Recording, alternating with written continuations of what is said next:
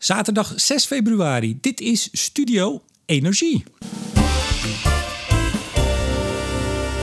Afgelopen maandag kwam het PBL met de analyse van de concept regionale energiestrategieën, de RESSen.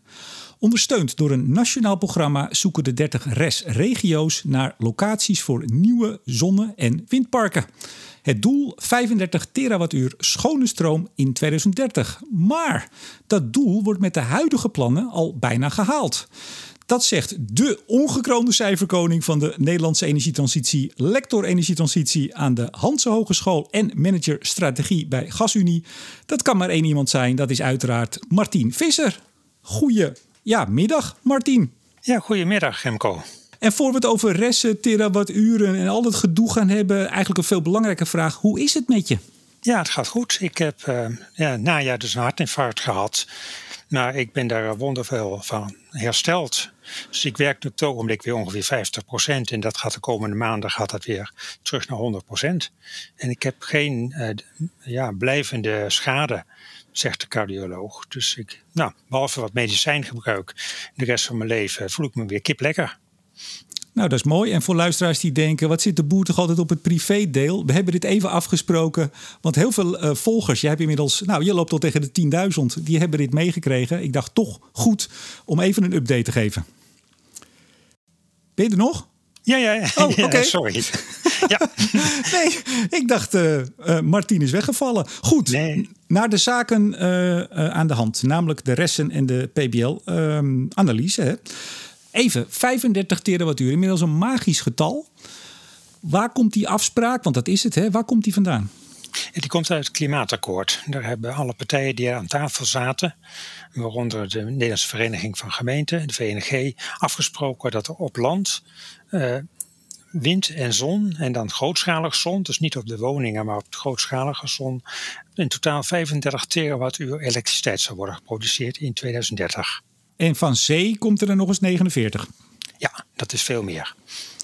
En dan komen we samen op 85. En dat moet dan die 70% van uh, het percentage schone stroom, noem ik het altijd maar, zo'n 70% in 2030 vandaan komen. Ja, en dat is 70% van het huidige stroomgebruik. En de verwachting is eigenlijk dat in 2030 het stroomgebruik nog niet veel zal zijn gestegen. Om, om daarna wel uh, flink te gaan uh, exploderen. Ja, dat is wel de verwachting. Nou, uh, tot zover alles helder. Uh, dat moeten we gaan doen. Er werd een klimaatakkoord gesloten en toen moest er iets opgetuigd worden. En dat is het, het hele restprogramma geworden. 30 regio's die samen eigenlijk gingen kijken, of althans binnen de regio, gemeenten en provincies samen. Van ja, wat is nou ons bod? Zeg ik het zo goed? Ja, tenminste, een van de taken die de restregio's hebben, is om die 35 terawattuur te realiseren. En dus zijn die aan het kijken, nou, eerst maar eens zoekgebieden. Sommige zijn al heel ver, andere niet. Die hebben alleen nog maar nou ja, zoekgebieden. Anderen zijn al misschien wat naar projecten aan het kijken. Um, nou, daar kwam PBL met een analyse van afgelopen maandag. En wat is op hoofdlijnen hun, wat zijn hun bevindingen? Hun bevinding op hoofdlijnen is dat er met de huidige plannen, want bij die 35 terawattuur hoort ook wat er nu al staat, dat er ongeveer 28 terawattuur wordt gerealiseerd. En dus dat er nog zeven nodig is. En als ze dan kijken naar uh, de plannen die er liggen, dan komen ze met een enorme bandbreedte. Dan zeggen ze 31,2 tot 45,7 als nou ja, alles wordt uitgevoerd met alle mits en maren die dan in die biedingen nu liggen. Ja, dat klopt. En dat is dus de extra biedingen vanuit de restregio's bovenop wat er al staat. En ja, de ene regio heeft het beter uitgewerkt als de andere. Dus het Planbureau Leefomgeving kan niet anders dan concluderen dat er heel veel onzekerheid is nog. Maar wat er nu al staat en in de pijplijn zit, dat is die 28 terawattuur. Misschien moet je nog even omschrijven voordat we naar jouw berekening gaan, want daarom hebben we nu uh, dit gesprek. Wat, wat is precies in de pijplijn? In de pijplijn, dat zijn de projecten die al SDE-subsidie hebben toegewezen gekregen, maar die nog niet draaien, nog niet zijn gerealiseerd. En sommige zijn in, in, aanbouw, daar kun je heen fietsen en dan zie je dat er al gebouwd wordt. En andere projecten die staan alleen op de tekentafel. Maar ze zijn er wel zo concreet uh, dat ze voor subsidie in aanmerking kwamen. En dat onder andere betekent dat de, de lokale gemeente dat geaccordeerd heeft. Nou, zo'n, ik dacht zo twee weken geleden had jij al eens een keer een tweetje daarover. En jij zit natuurlijk permanent uh, te rekenen. Jij heet niet voor niks de ongekroonde cijferkoning van de transitie. dankjewel. Ja, is het niet als tijd dat we je gewoon gaan kronen? Dat we het even officieel maken? Nou, dat is een beetje overdreven, denk ik. Maar het is een mooie niche om uh, tegenwoordig met feiten voor, voor uh, op de proppen te komen, lijkt het wel. Ja, maar Martien, dan kunnen we je een mooie hermelijnen mantel en een mooie, mooie kroon geven. Ja, dat heeft wel wat hoor. Ja, nee, dankjewel. Nee, hè, dat, is, uh, dat is jou te veel en dat snap ik heel goed.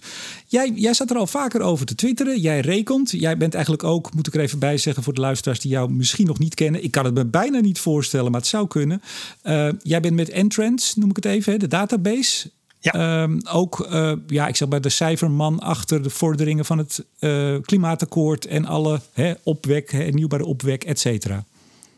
Ja, dat klopt. Ja. Ik heb eh, als onderdeel van mijn lectoraat een database gebouwd die eigenlijk bijna real-time, quasi real-time bijhoudt wat er eigenlijk gebeurt op het energiegebied in Nederland. En dan niet alleen elektriciteit, maar ook warmte en uh, ook transport. Dus daar zit alles in. En de uitstoot hou jij ook bij, hè? Want jij hebt ook al, maar dat is een ander onderwerp, gaan we vast een andere keer doen. Jij zegt, nou, we hebben het Urgenda-fonds, die 25 reductie, dat is dus niet opwek, maar reductie, hebben we waarschijnlijk precies net gehaald. Ja, ja als je alle energiestromen bijhoudt, ja, dan is het een relatief kleine moeite om de CO2-emissie te bepalen beetje de, lastige daarbij is dat het hele ingewikkelde regelgeving is eigenlijk die erachter steekt. Hoe je dat precies moet doen. Maar als je het eenmaal voor elkaar hebt, ja, dan, is het een eitje. Dan rolt het uit een spreadsheet. Nou, PBL zei in oktober nog bij de presentatie van de, de KEF dat, dat, dat ook Urgenda er eigenlijk nog niet in zat. Maar goed, jij zegt eigenlijk hebben we dat waarschijnlijk uh, net precies gehaald. Ander onderwerp. Terug naar de rest. Uh, eh, PBL zegt in die analyse dus, nou, 28 terawattuur zien wij. Dus ja, we, we missen er nog, uh, nog 7. Nou, op jij zit te rekenen en jij zegt nee, ik kom tot hoeveel? Ik kwam tot 33,2, dus zeg maar 33 terawattuur. Ja, en dat betekent eigenlijk van 33,2 of 33 afgerond naar 35, dat is nog maar 2. Daar hebben we nog 9 jaar de tijd voor. Dan zou ik zeggen, Martien, appeltje eitje. Ja, zeker. Ook al omdat ik nog niet heb meegerekend dat er ook in het najaar nog een SDE ronde is geweest, waar ook nog 4 gigawatt aan zon is aangemeld. Als daar 2 gigawatt van zou worden gerealiseerd, dan zijn we er. Nou is natuurlijk de grote vraag, hoe kan het dat het grote, machtige PBL, waar ik weet niet hoeveel mensen zitten, uh, op zo'n enorm verschil, verschillend getal komt. Hè? 28 versus 33. Waar zitten de verschillen in? Ja, eh, eh, een heel belangrijk verschil is dat ik ben uitgegaan of heb meegenomen ook wat er in 2020 is gerealiseerd afgelopen jaar. En dat is enorm veel geweest. Na een aantal jaren stagnatie zijn er plotseling dat jaar heel veel windturbines bijgeplaatst in Nederland. En ook heeft zon een geweldige vlucht genomen. En het PBL is uitgegaan van 2019 realisaties. Nou, daar kan ik niets bij voorstellen. Je moet altijd ergens een, eh, een eikpunt nemen. Maar als dat zo'n groot verschil maakt en jij hebt die getallen, eh, heeft PBL die getallen dan niet? Nou ja, ik, ik ga vanuit van wat ik in de markt hoor en wat ik zie en wat ik doorkrijg. En wat partij, andere partijen ook bijhouden aan wat er geplaatst wordt. Terwijl PBL, ja, het is natuurlijk ook een overheidsinstantie, die gaan uit van wat het Centraal Bureau voor de Statistiek heeft gepubliceerd. En die zijn nog niet verder als 2019 pas in de loop van dit jaar ergens zal 2020 uh, cijfers worden geopenbaard. Ik voel een beetje een vergelijking met de presentatie van de KEF, de Klimaat- en Energieverkenning, uh, oktober vorig jaar. Waarbij ze ook zei: Nou, we hebben een pijldatum 1 mei en alles wat daarna, of wat daarvoor zit, nemen we mee, daarna niet. Waardoor je een enorm verschil kreeg met wat er eigenlijk allemaal al gebeurde, hè, waaraan gewerkt werd. 34% reductie versus, nou, misschien wel 46 als het klimaatakkoord gewoon goed loopt. Is dat dus hier ook sprake van dat je eigenlijk door die pijldatum een, eigenlijk een heel raar vertekend beeld krijgt?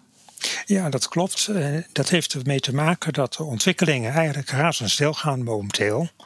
En dat betekent dat als je je pijldatum te veel naar achteren trekt, en eigenlijk hebben zij eh, zeg maar pijldatum 2019 genomen, ja, dat je belangrijke zaken mist die eigenlijk inmiddels al gerealiseerd zijn. En naarmate het sneller gaat, en het zal komende jaren nog wel sneller gaan, ja, krijg je daardoor een steeds grotere discrepantie tussen wat er al gebeurd is en waar je nog, ja, wat je eigenlijk vergeet om mee te nemen.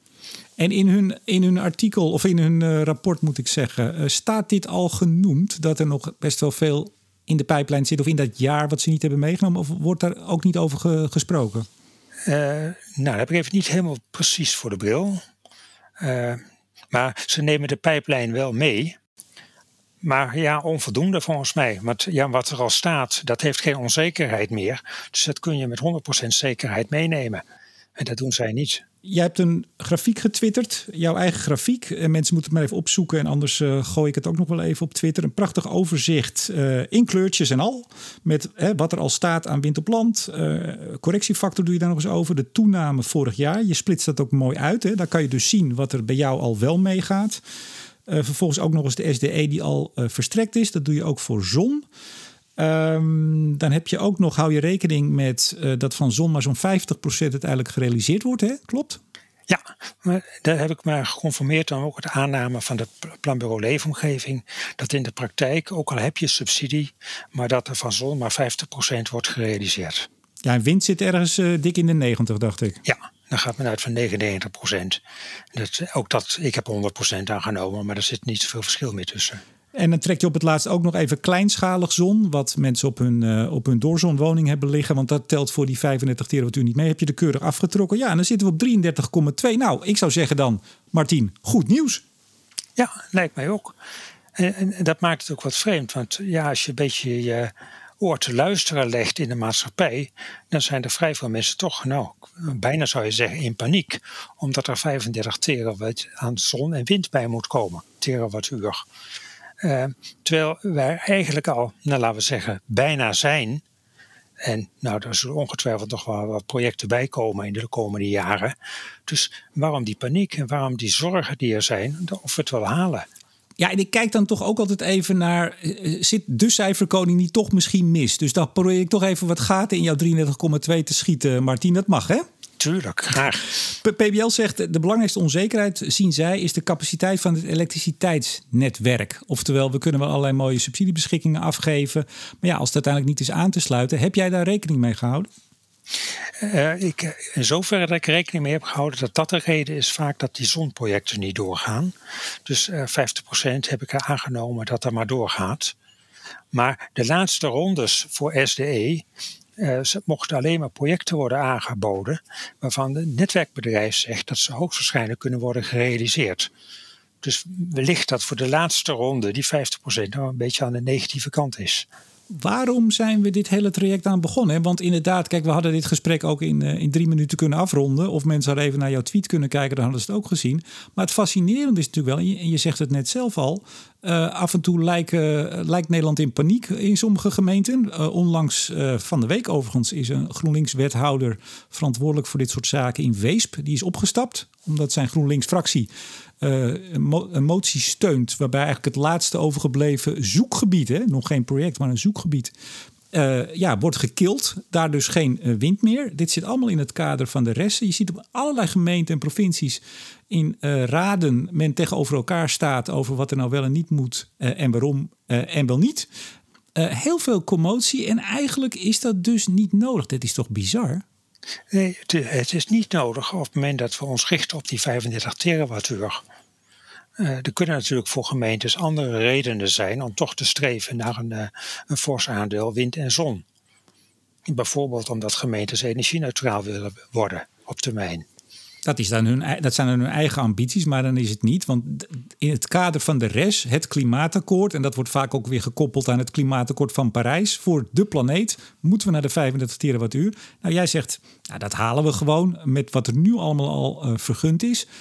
Um, precies, moeten we dan ook niet verder naar die 35 terawattuur?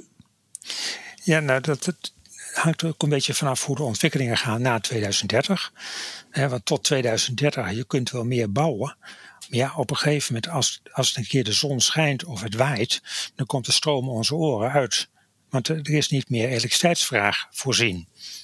Als na 2030 de elektriciteitsvraag gaat stijgen, ja, dan zullen we ons opnieuw moeten nadenken met elkaar van, goh, waar halen we die hernieuwbare elektriciteit vandaan? En dan is het opnieuw een keuze. Uh, doe je dat van zon op land of wind op land, of haal je dat uit zee, wind op zee?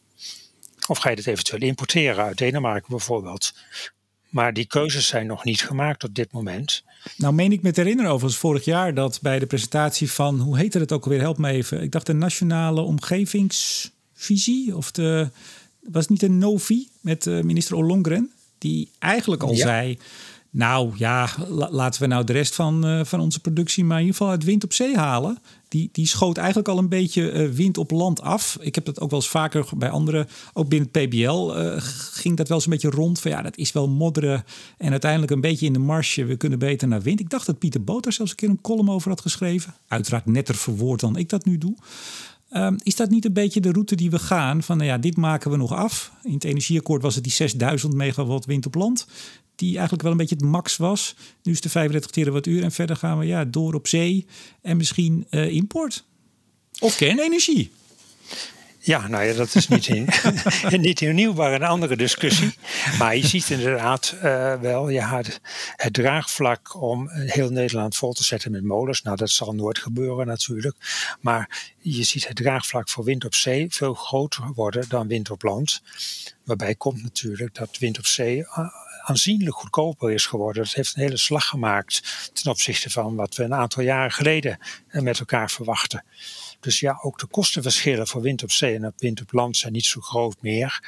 En dan kan ik me heel goed voorstellen dat je als land kiest voor uh, plaatsing op zee. En we zijn daar niet alleen in. Hè. Ook in Denemarken heeft men die keuze gemaakt dat ja, wind op, het aantal molens op wind op land uh, zal de komende tien jaar daar worden afgebouwd uh, ten gunste van wind op zee. Ik denk als mensen dit nu horen die tegen wind op land zijn, die gaan helemaal juichend rond de tafel als ze dit van eh, de cijferkoning horen. Nou ja, misschien op termijn. Uh, ik, ik, heb wel eens in een meeting gezeten en dat werd gezegd: goh, wat is nou het meest verrassende wat er in 2040 gaat gebeuren? Waarop een van de deelnemers zegt: Nou, dan wordt in deze regio de laatste windmolen afgebroken. Uh, we zullen zien, het is heel moeilijk. Hè? De, de, hele energietransitie is natuurlijk één groot avontuur waar we met elkaar heen gaan. En, en daar zullen nog wel meer verrassingen komen. Maar ja, wellicht ook dat we toch besluiten uh, ja, dat er zoveel extra elektriciteit nodig is, dat er ook uitbreiding op windplan moet komen na 2030.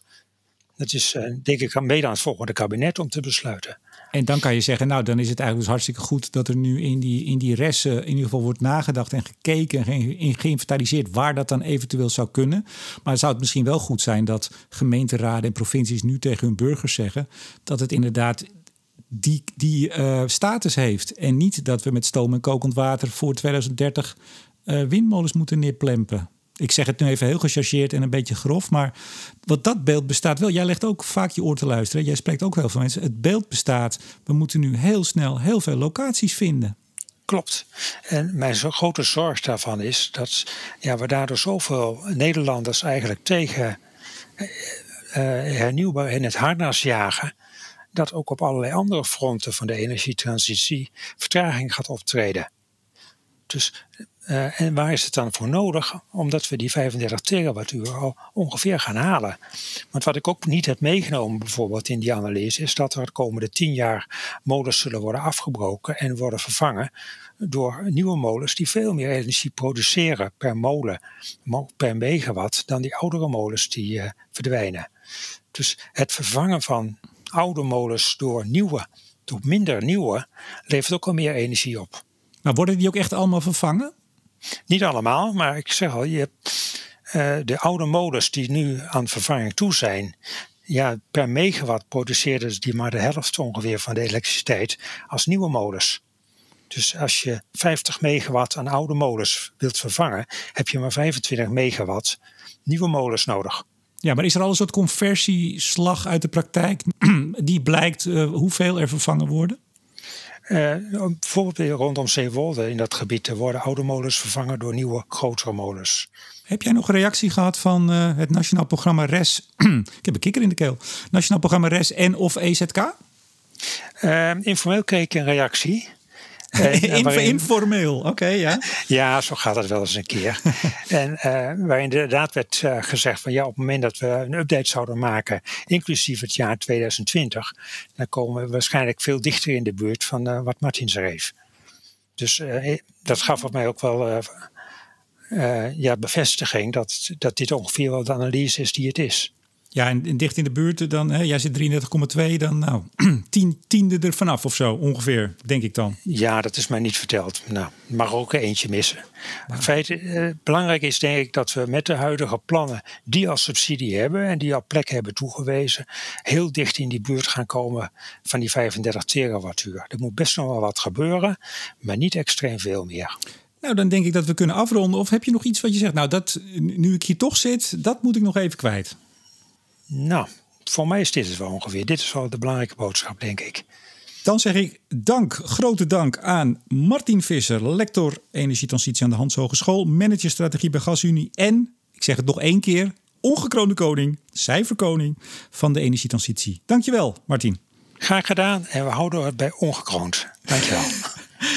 en mijn naam is Remco de Boer. Graag tot volgende keer bij Studio Energie.